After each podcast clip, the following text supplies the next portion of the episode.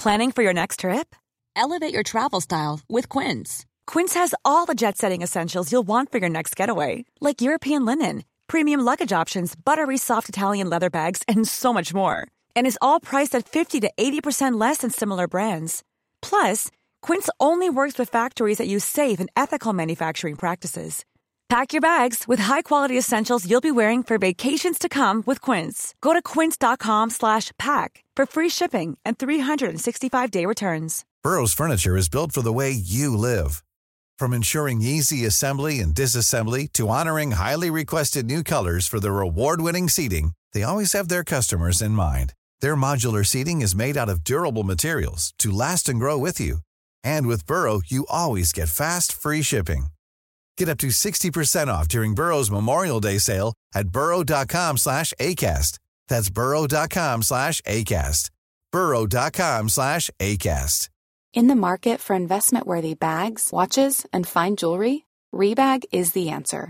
Rebag is a luxury resale platform where each piece is carefully inspected by experts to ensure quality and authenticity. Use Rebag to buy and sell finds from the world's top brands, including Louis Vuitton, Chanel, and Cartier. Head to Rebag.com and get up to 15% off your first purchase as a member with code REBAGNEW. Shop today at Rebag.com. That's R E B A G.com. And use promo code REBAGNEW for up to 15% off your first purchase as a member. Hvorfor vekker det så stort oppstyr at eh, Den norske kirke sine biskoper uttaler seg om abort? Vi skal se på 40 års kirkehistorie i dagens utgave av Tore og Tarjei, en podkast fra dagen.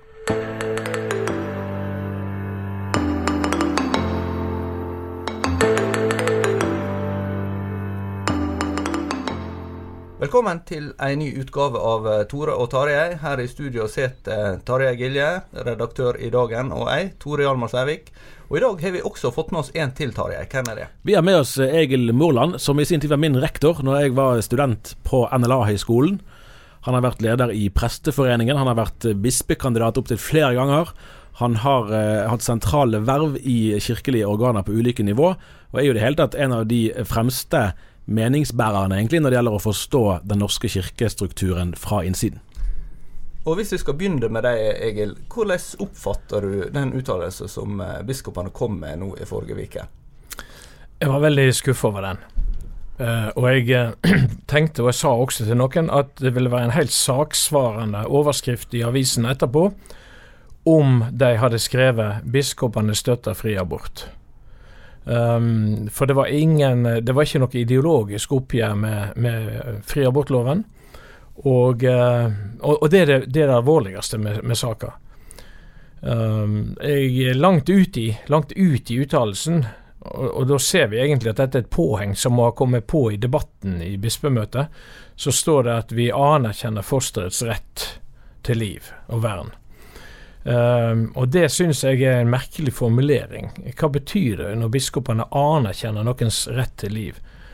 Uh, jeg har brukt en litt ufin uh, eller litt dristig uh, parallell eller, eller, eksempel på hva det kan bety i en annen situasjon. Det er omtrent som vi skulle anerkjenne at barna i Jemen svelt, men ellers så får de klare seg så godt de kan. Konsekvensen av å mene f.eks. at uh, barna har rett til liv for unnfangelsen av, uh, og menneskeverdet er, er forankra der, i gudsbildelikheten like for unnfangelsen av, det skulle jo være at vi primært sa noe om hvordan kan vi da redde flest mulig. Hvordan, hvordan ser du for deg, Egil, at, at uh, dette dokumentet er blitt til? Altså, jeg spør litt om det fordi at ulike medier òg har jo fortolket dette ganske forskjellig. Eh, eh, og vi aner vel at det er noen dragkamper, eller i hvert fall noen samtaler internt. Og vi ser jo helt åpent på Facebook og i aviser at eh, ulike biskoper har ulikt syn på selve abortloven. Eh, er dette her et klassisk liksom, politisk kompromissmakeri, uh, eller er det andre typer prosesser som ligger til grunn her? Ja, det er det, det, er et prosesskriv der enkelte elementer er kommet inn underveis i samtalen for å tilfredsstille det, noen som vil ha f.eks. dette med barnets uh, rett til liv, mm. fosterets rett til liv. Og andre som primært er ute etter å forsvare kvinnenes rett til fri abort. det, det, det, er helt åpenbart, og det ser vi som du nevner òg, ved at uh, en biskop uh, uttaler at hun er veldig fornøyd med, med dagens uh, abortlov. Mens Bjørgvin biskop helt klart sier at dette betyr ikke at vi anerkjenner fri abort. Men det, det, det, som, det som jeg syns dette er det et godt eksempel på, eventuelt dårlig eksempel på, det er denne trangen etter å gi ut felles uttalelse for bispemøtet. Eh, jeg har påpekt det før. Jeg syns det er med å underminere den enkelte biskops autoritet. Um, nå, nå vet vi jo at mange mennesker i Møre, i Bjørgvin, i uh, Agder um, sørger over den uttalelsen.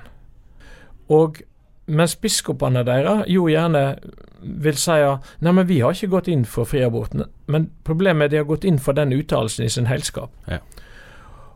Så jeg, jeg Det var en biskop som en gang sa til meg når jeg spurte han om noe, at, jeg sa at dette ja, dette må jeg drøfte med mine kolleger, sa han. Og Da var jeg såpass frimodig at jeg sa at hvis jeg hadde vært biskop, så ville jeg slett ikke gjort det. Fordi da blir jeg straks bundet opp av det som de sier. Um, jeg skulle ønske at biskopene ville være med å bygge opp sin egen autoritet ved ikke gi sin tilslutning til slike politiske gjennomsnittsuttalelser. Nå eh, var jo du eh, teologistudent på 70-tallet, da eh, abortlova eh, var veldig mye diskutert. Og, denne uttalelsen tar også utgangspunkt i nettopp kirke, kirka sitt engasjement på 70-tallet. Mm. Kan du si noe om hvordan du opplevde situasjonen da? Ja, det kan jeg fordi jeg eh, jeg vet nøyaktig hvor jeg sto en plass nede i Vestfold eh, da jeg hørte på bilradioen at Lønning hadde gått av som biskop i, i 75. Og det var ikke i, i protest mot en fri abortlov, men det var i protest mot at loven den gangen for første gang uttrykte retten til abort. Altså en rett til abort, som ikke først tok utgangspunkt i barnets rett til liv. Eh, så det var ikke fri abort-loven han gikk av på, den, den kom tre år seinere. Men jeg husker, akkurat som jeg vet eh, hvor jeg var da bombeangrepet i New York eh, skjedde for noen år siden, så, så, husker jeg så klart den opplevelsen jeg hadde av at yes, her går en biskop av fordi han tror på noe. Det motiverer meg til å bli prest. Det er jo litt paradoksalt, ikke sant? Eh, en kunne jo si at når, når, når biskopen finner å måtte gå av, så kan jo ikke vi andre være prest heller. Men tvert imot det, det, det ga meg eh, mot og, og, og frimot til å, til å bli prest, faktisk. Eh, men når det gjaldt eh, på en måte stemninga i kirka versus stemninga i folket, kan du beskrive noe hvordan holdningene var på den tida? Hvordan debatter var? Ja, øh, det var jo enda ei, ei veldig støtte i det verdikonservative Høyre, f.eks., for, for kirka sine standpunkt. Og det, Sånn var det jo med Jon Lyng og med, med Langslett og seinere med Inge Lønning som uh, ideologiske fanebærere i Høyre. Eh, den gangen var, var, var, partiet virkelig verdikonservativt. Og, uh, og i den alminnelige, jeg kan nesten kalle det borgerlige opinion, så var det stor forståelse for, for kirkens standpunkt. Og så vidt jeg husker, så var over 80% av gynekologene den gangen også imot fri abort. Uh, for, for, det er klart, fri abort-ideologien har jo også ført til at jordmoryrket f.eks., og gynekologyrket, er, er, stort sett avhengig av at folk ikke har store problemer, i hvert fall, med å forvalte den loven vi har. Og Det er, det er et, rett og slett et, et stort problem for kristne medisinere. Det er jo en egen, eh, en egen, øvelse, det å beklage andres feiltrinn. Til dels er det jo det bispemøtet gjør, med at de går inn og karakteriserer eh, debattklimaet, i hvert fall da, fra den tiden der. Eh, og det har blitt stilt spørsmål ved f.eks. Eh, er det riktig dette at eh, uekte barn ikke fikk adgang til dåp osv. Så, videre. så det er jo noen sånne rent historiske ting. Men i det hele tatt, er dette en Altså, eh, står man i fare for her at man omskriver historien fordi man ikke likte den så godt, snarere enn å egentlig gi en saksvarende karakteristikk av debatten den gangen?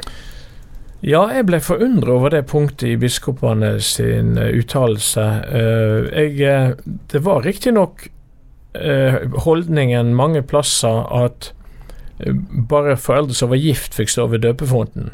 Det hadde ikke noe med moralsk fordømming av det sivile livet deres, men det hadde med forpliktelsen på opplæring i kristen tro. Mm. Og eh, hvis en f.eks. med sitt liv demonstrerte at vi, vi, forstår ikke det sjette budet slik som kirka gjør, så var det mange prester som ikke fant det rimelig at da kunne, skulle begge stå og svare ja mm. på spørsmålet. Men jeg har for min del Jeg kan ikke huske et eneste eksempel på at barn er blitt nekta dåp eh, pga. dette. Det, det finnes sikkert et eller annet en eller annen plass, men, men for meg virker det som om som om en slår inn åpne dører når en bruker sånne litt sånn primitive argument som kirka kan bli møtt med fra bispemøtet sjøl. Jeg har av og til lurt på det når og Nå bruker jeg en parallell som ikke har noe direkte med dette her å gjøre, men at i noe av, av når, når biskoper i Norske kirker har behov for å kritisere Israel-venner, så kritiserer de en ensidighet som kanskje kan ha vært der for en generasjon mm. siden, men som det i dag vel knapt er noen som er i nærheten av Den norske kirke, mm. som har målbåret. Men de, de, deres måte, oppgjør henger ved da, eh, ja. en generasjon senere. Og at dette her bærer litt preg av, av det, ja, det, det, er litt forsinket, egentlig. Det blir sånne stråmenn. Ja. Altså, også når en, når en uh, sier at en går ikke inn for fri abort, samtidig som en sier at det er bedre at et samfunn har legal adgang til abort enn mm. illegal. Og da bruker en u-lander å kjøre foran seg. Ja. Fordi at i, i, slik som den politiske situasjonen er nå, så er det ingen som har tenkt at, at vi, vi, må tilbake til en situasjon der ikke det er noen tilgang til abort. For, for, for de få tilfellene som f.eks. Eh, vår lokale biskop bruker eh, for å begrunne at det må være legal adgang, voldtekt og incest og slike ting. La oss si at det utgjør en promilles promille av det totale antallet mm. aborter. Altså Til og med på 60-tallet, fram imot uh, abortlovendringer fem, i 75, så var det ca. 3000 aborter i året. Altså så det Eh, så, og det, det, er jo et vanvittig høyt tall i seg sjøl, mm. men nå er det altså mer enn uh, fire ganger så stort. Um, og um, så høyt. Så spørsmålet er jo er det noen som tror at en både med god prevensjon og med ytterligere utbygging av velferdssamfunnet kan kan liksom gjøre abort overflødig, det, det, det, da tror jeg på julenissen, altså.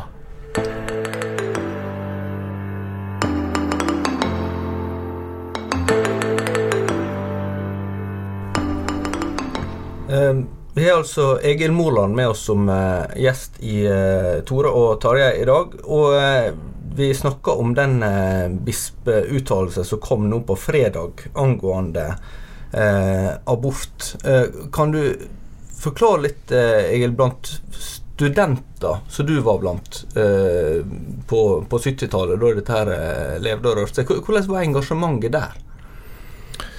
Ja, det var nok eh, Det var nok litt forskjellig, men helst fordi en ikke så Altså, det var så selvsagt at kristne var imot fri abort. Ikke, og det gikk ikke på spørsmålet om uh, hva lov er mest egnet til å verne flest mulig, men, men det gikk på selve ideologien bak dette. Vi skal huske på at i hvert fall jeg som lutheraner må huske på at uh, Luther begynner forklaringa til den første artikkelen i trua på denne måten. Jeg tror at Gud har skapt meg og alle mennesker. Uh, for meg er, har fri abort-ideologien eh, er et angrep på, på, på, på gudstrua. Altså det er rett og slett et, et, et ateistisk anslag mot gudstrua. For én um, ting er at en kan si ja, vi må ha en lovregulering på dette, og abort i noen tilfeller må vi anerkjenne. Det er greit nok. Men hvis en sier at ideologien bak det, at kvinner skal fullt ut bestemme skjebnen til et påbegynt liv alene, da er det et, da, En kristen kan ikke gjøre det, etter mitt skjønn. En kristen kan ikke gjøre det, i hvert fall ikke hvis han er lutheraner og forstår den første artikkelen i trua slik som Luther gjør det. For, for, for meg er dette så det er et komplisert spørsmål, men sånn helt i, i nå, så er det så enkelt som at hvis ikke Gud har skapt disse barna, så har han heller ikke skapt meg. Altså det, det, er en, det er en logisk kollisjon for meg. Hvor langt Altså Kristelig Folkeparti er jo det partiet i norsk politikk sant, som har vært den sterkeste motstanderen vel, av, eh, av eh, eksisterende abortlov. De heller har jo ikke klart egentlig å utforme et fullstendig alternativ til den loven vi har i dag. Det er noen forsøk, men de er ikke helt, helt fullført. Og Det sier kanskje noe om hvor vanskelig akkurat det er. Men så er jo dette et bispemøte, en bispeuttalelse. Det er ikke en politikeruttalelse. Hvor langt bør og kan en kirkelig ledelse gå i å ta stilling konkret? Altså, for Det er ikke teologisk anliggende her om det bør være en nemnd, eller om det bør være kvinnen sjøl og eventuelt sammen med hennes, altså den som hun har båret barn sammen med. Altså Hvem som skal ta avgjørelsen. Det er ikke det som egentlig er kirkens anliggende, men det er jo nettopp livets ja. verdi. Men, men, For da kan jo, kan jo bispemøtet si at ja, men de konservative kristne i ulike leirer de på en måte skyver bare problemet foran seg og sier at vi kan heve vår fane ren og rank og si at vi er mot uh, selvbestemt abort og ferdig med det, men de føler at de må gå lenger inn i saken. Hvor langt kan og bør en kirkelig ledelse egentlig gå når det gjelder det konkrete her, da, i å håndtere de sakene som er vanskelige òg? Altså, jeg, Alle sakene er vanskelige, men de som er særlig ja, vanskelige, som f.eks. incest og abort. tenker Jeg altså, jeg, jeg tenker at, um, at uh, Kirka skal være veldig forsiktig med det. og Akkurat i abortsaker er det relativt kort vei mellom teologisk eller etisk prinsipp og praksis. Mm. Uh, det, det, det, er litt lengre vei når det gjelder oljeboring i Lofoten, eller eller søndagsåpne butikker eller sånne ting. Uh, og, og, da må en være ekstra forsiktig. Nei, jeg tenker at kirka må veldig ofte nøye seg med å peke på prinsipper. Men sett nå at det skulle komme en lov eh, uh, som det kom i 1942, om at norske mennesker hadde ikke, norske menn eller kvinner hadde ikke lov å gifte seg med jøder eller med folk av samisk avstamning. Eh, den gangen pekte jo Kirka på at denne loven er i strid med vårt syn på menneskeverdet. Så jeg, jeg sier ikke, eller tvert imot, jeg sier jo, det finnes eksempel mm. på at uh, Kirka kan si at denne, denne, loven er i seg sjøl et angrep på en, en, en, en kristen likeverdstanke, f.eks. Hvis vi skal sammenligne litt situasjonene, for det er jo blitt vist til at det kom en uh, felles bispeuttalelse i 1978 i forbindelse med at uh, nåværende abortlov ble vedtatt, og den uttalelsen som, uh, som biskopene kom med nå. Kan du forklare litt hvordan du ser de to forskjellige situasjonene som dette blir talt inn i? Altså det, det biskopene gjorde på, på 70-tallet, og det biskopene gjør i, i 2019? Al altså, situasjonen er jo ulik i, i den forstand at opinionen er totalt endra. Det ser vi jo en rekke etiske spørsmål, eh, og media bidrar jo veldig sterkt til å heie på den utviklingen vi har. Eh, bare for å ta en parallell, da. Hvis, eh, hvis, hvis, et forhold mellom kjendiser går i oppløsning, så er de plutselig ikke, de er ikke ekteskapsbrytere, men de er single igjen. Og, så, og, og, det blir en, nesten en sport for media å følge med på hvem, hvem er den neste. Mm. Så, så, hele ideologien jo, eller hele holdningen til dette er jo pill råtten. Men bortsett fra at, at, situasjonen er veldig ulik opinionsmessig, så vil jeg si at det som denne uttalelsen mangler helt, helt, det er at den har ingen moralsk veiledning. Altså den, den, den peker ikke på noe skriftgrunnlag eller andre ting eh, som, som, grunnlag for eh, en kristen livsstil, f.eks. De, de sier ikke noe om forvaltning av, eh, av, seksualiteten, og at det alltid må være en balanse mellom frihet og ansvar. Så, så, så det, det, virker jo for meg som om biskopene har gitt opp å tale et autoritativt ord inn i sin tid. Om det er fordi en Jeg tror ikke det er fordi en er redd for å miste popularitet. Jeg vet ikke om det en gang var inne i diskusjonen om eh, hva effekt denne måten å uttale seg på. Men, men eh, det blir jo knapt lagt merke til i andre medier.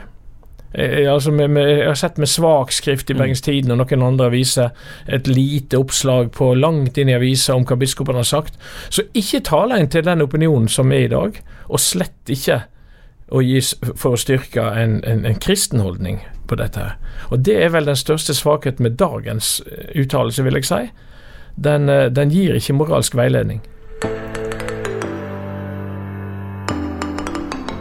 Hvis vi skal se på den eh, kirkelige situasjonen, forholdet kirke-samfunn, eh, som du så da du studerte teologi på 70-tallet, og den du ser nå Du er nettopp blitt eh, professor, faktisk, Ja. i teologi. Ja. Eh, men eh, kan du si noe om sentrale utviklingstrekk, sånn som du ser det, som kanskje også blir avspeilt i, i den uttalelsen, eller de to forskjellige uttalelsene vi snakker om? Altså den, den prosessen som har pågått like siden eh, 75 til 2020, faktisk, når vi får en ny lov om trossamfunn til våren antagelig.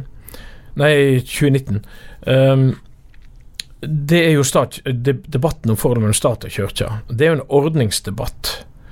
Eh, I 75 fikk vi Sivertsen-komiteens innstilling, og det er den første statlige utvalget som anbefalte oppløsning av statskirka.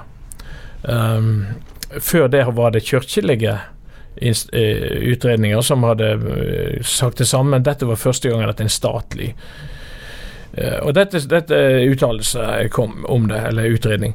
Men og det kulminerte jo nå med at vi har fått en ny paragraf to som sier noe om hva verdier det norske samfunn skal bygge på. Ja, i grunnloven Grunnlova. Ja, i, i Grunnlova. I Grunnlova, takk. Og det kan godt hende at denne prosessen av skilje mellom stat og kirke, som jo egentlig ikke er fullført For, vi, for kjør, Den norske kirke er fortsatt med i Grunnloven. Og kjør, Den norske kirkes regulering av den er altfor sterkt framme i forslaget til ny trossamfunnslov også, der staten ikke kan holde fingrene helt for fatet når det gjelder indre styr i kirka. Men, eh, men eh, det kan godt hende at denne prosessen eh, også har vært med å, å forvirre folk flest om hvordan skal forholdet mellom folket og kirka være, når du ikke har forholdet mellom kirka og staten som det mest, eh, mest primære. Og, og da, da, da eh, tror jeg at det store problemet nå er at kirka ikke helt har klart å finne seg til rette med at den er i Grunnlovens forstand ei folkekirke. Det er et paradoks. Det er et paradoks at for første gang at Den norske kirke blir nevnt som folkekirke til og med i Grunnlovens paragraf 16, så opplever kirka i store deler av landet en synkende oppslutning som gjør at de ikke engang nominelt kan være majoritetskirke. Altså når det bikker eh, 50% i en, i en del ting. Og det er eh, Det kommer vi til å se en god del eh, forvirra kamp om framover, eh, identiteten. Om jeg kan peke på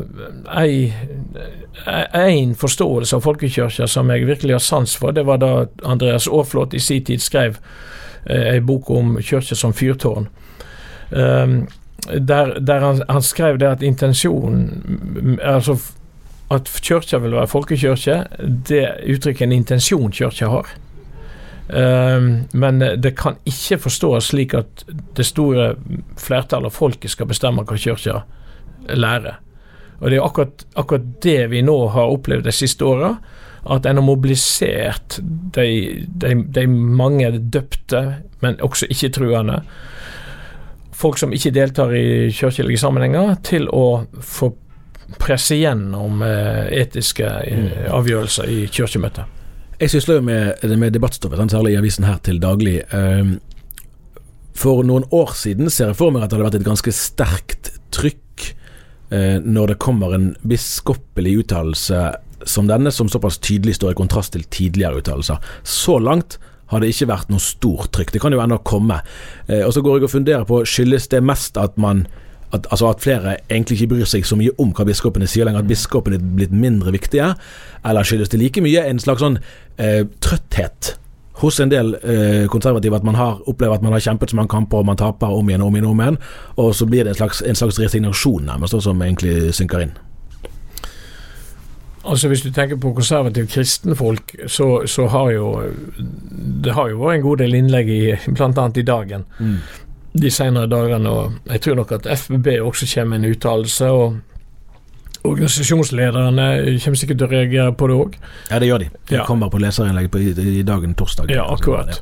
Eh, Så eh, den trøttheten du snakker om er helt reell, eh, men den, den fører egentlig bare til at mm, folk resignerer på det å engasjere seg i Den, i den norske kirka. Mm. Og så, går det litt på altså Det ender litt i forvirring. Hvor skal vi da gå hen? Eh, og, og, og, og så videre. Eh, Så jeg var, jeg var altså representert NLA på et møte med nettopp med dette bispemøtet forrige uke, der, vi, der samtlige institusjoner som utdanner teologer presenterte sine teologiløp, eller utdanningsløp. Og eh, fordi at nå er jo, nå er jo fortvilinga nesten dramatisk stor over manglende rekruttering til kirka. Og eh, det er det er litt påfallende at, eh, at det, det teologiske spriket og de teologiske endringene i kirka ikke i seg sjøl blir tematisert som en mulig, i hvert fall, Mm. mulig forklaring på sviktende rekruttering. Hvis du skal sammenligne den kirkesituasjonen som du sjøl gikk inn i som nyutdanna prest på, på 70-tallet, og den som du nå er med på å utdanne kommende prester til, Mm. eh, hva, vil, du- hva vil du si, hva forventninger hadde du sjøl, og hva forespeiler du studentene dine? Du vet, Som ung entusiast så innbiller du deg jo at med god forkynnelse og aktivt arbeid så skal du fylle kirken, og, og, og det skal bli vekkelse i folket. Eh, og, og sånn sett så har jo vi gått på noen smeller, uh, noen hver.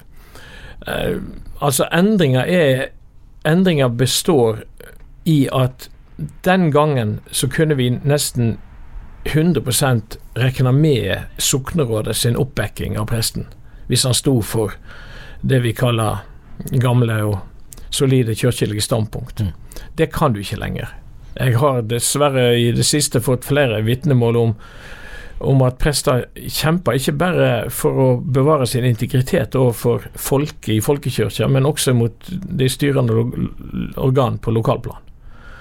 Og det er nok en, eh, en, en ny situasjon. Eh, Så jeg, eh, jeg pleier å si både internt på NLA og når vi, jeg snakker med unge, unge teologistudenter, eh, så pleier jeg å si at jeg kan bare med god samvittighet utdanne dem til prester hvis de, hvis de har, har klart å tilegne seg et slags tvisyn. Altså ikke en sånn endimensjonal oppfatning av at dette er herlighet og glede, nå skal jeg ut og så skal alt bli flott. Altså de, de må nesten være nødt til å tenke nei, her kan det bli mye motgang.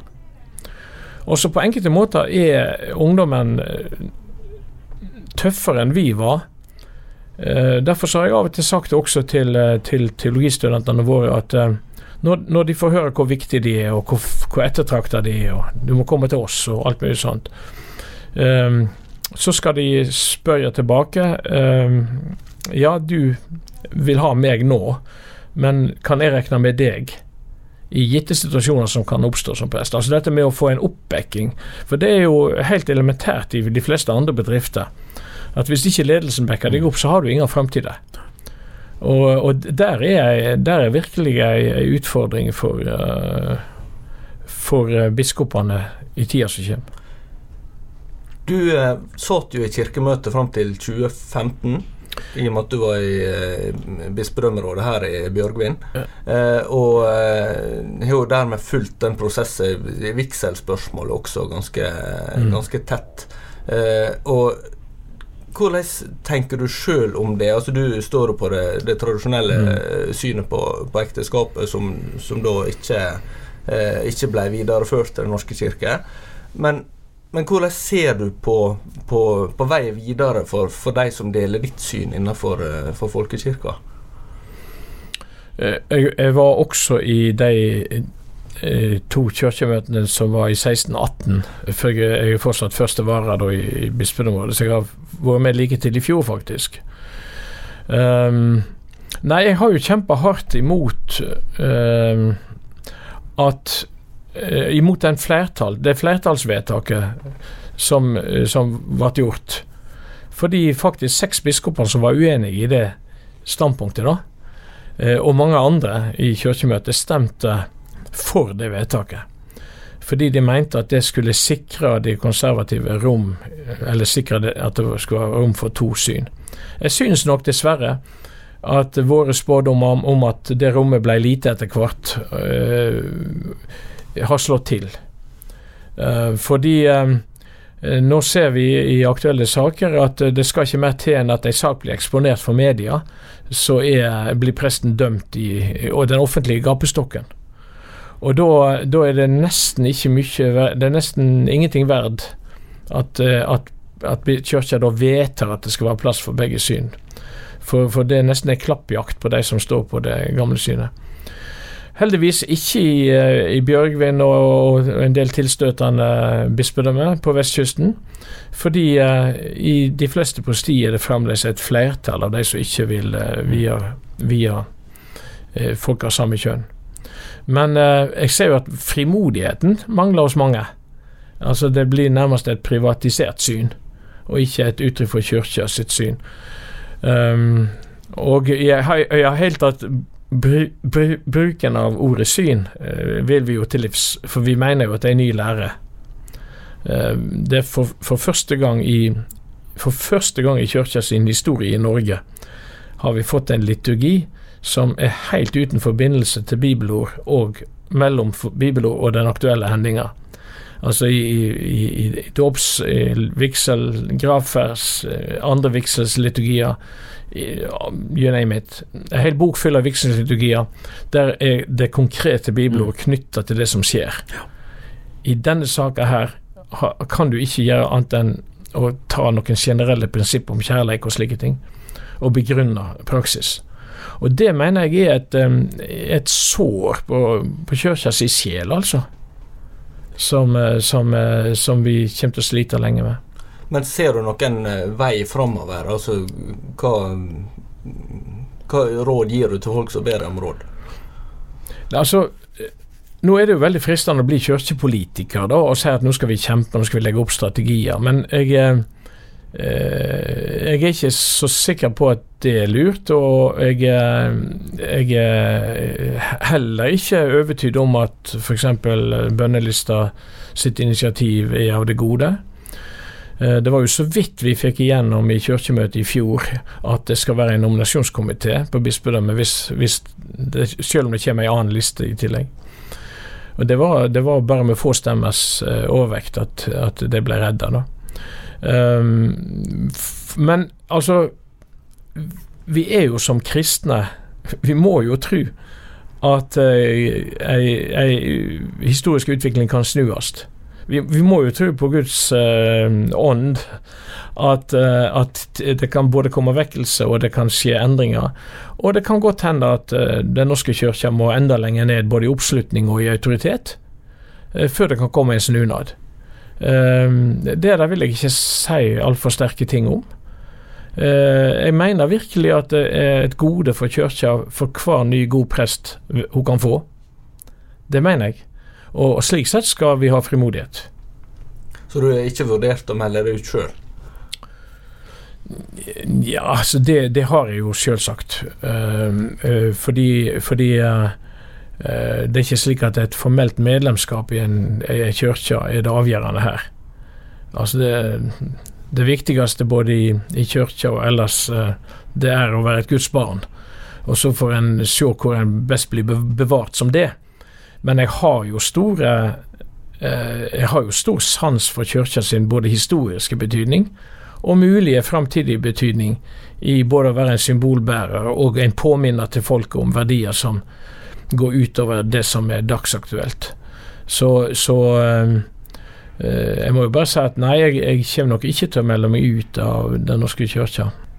Da eh, tror jeg vår tid er omme for i dag. Vi er fortsatt å nå på e-post tore1dagen.no eller tarjei1dagen.no.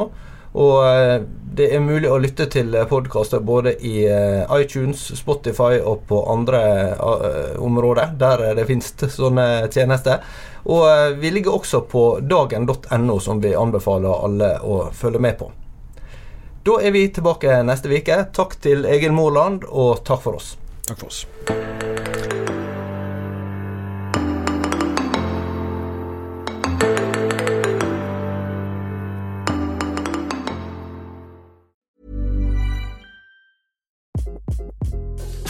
This is Craig Robinson from Ways to Win, and support for this podcast comes from Invesco QQQ the official ETF of the NCAA. Invesco QQQ is proud to sponsor this episode and even prouder to provide access to innovation for the last 25 years. Basketball has had innovations over the years too. We're seeing the game played in new ways every day. Learn more at Invesco.com slash QQQ. Let's rethink possibility. Invesco Distributors, Inc. When you make decisions for your company, you look for the no-brainers. And if you have a lot of mailing to do, Stamps.com is the ultimate no-brainer. It streamlines your processes to make your business more efficient, which makes you less busy.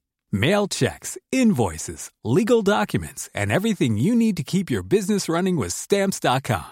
Seamlessly connect with every major marketplace and shopping cart. Schedule package pickups and see your cheapest and fastest shipping options from different carriers. With rates up to 89% off USPS and UPS rates. And with the Stamps.com mobile app, you can take care of mailing and shipping wherever you are. Make the same no-brainer decision as over 1 million other businesses with Stamps.com. Sign up with Code PROGRAM for a four-week trial, plus free postage and a free digital scale. No long-term commitments or contracts.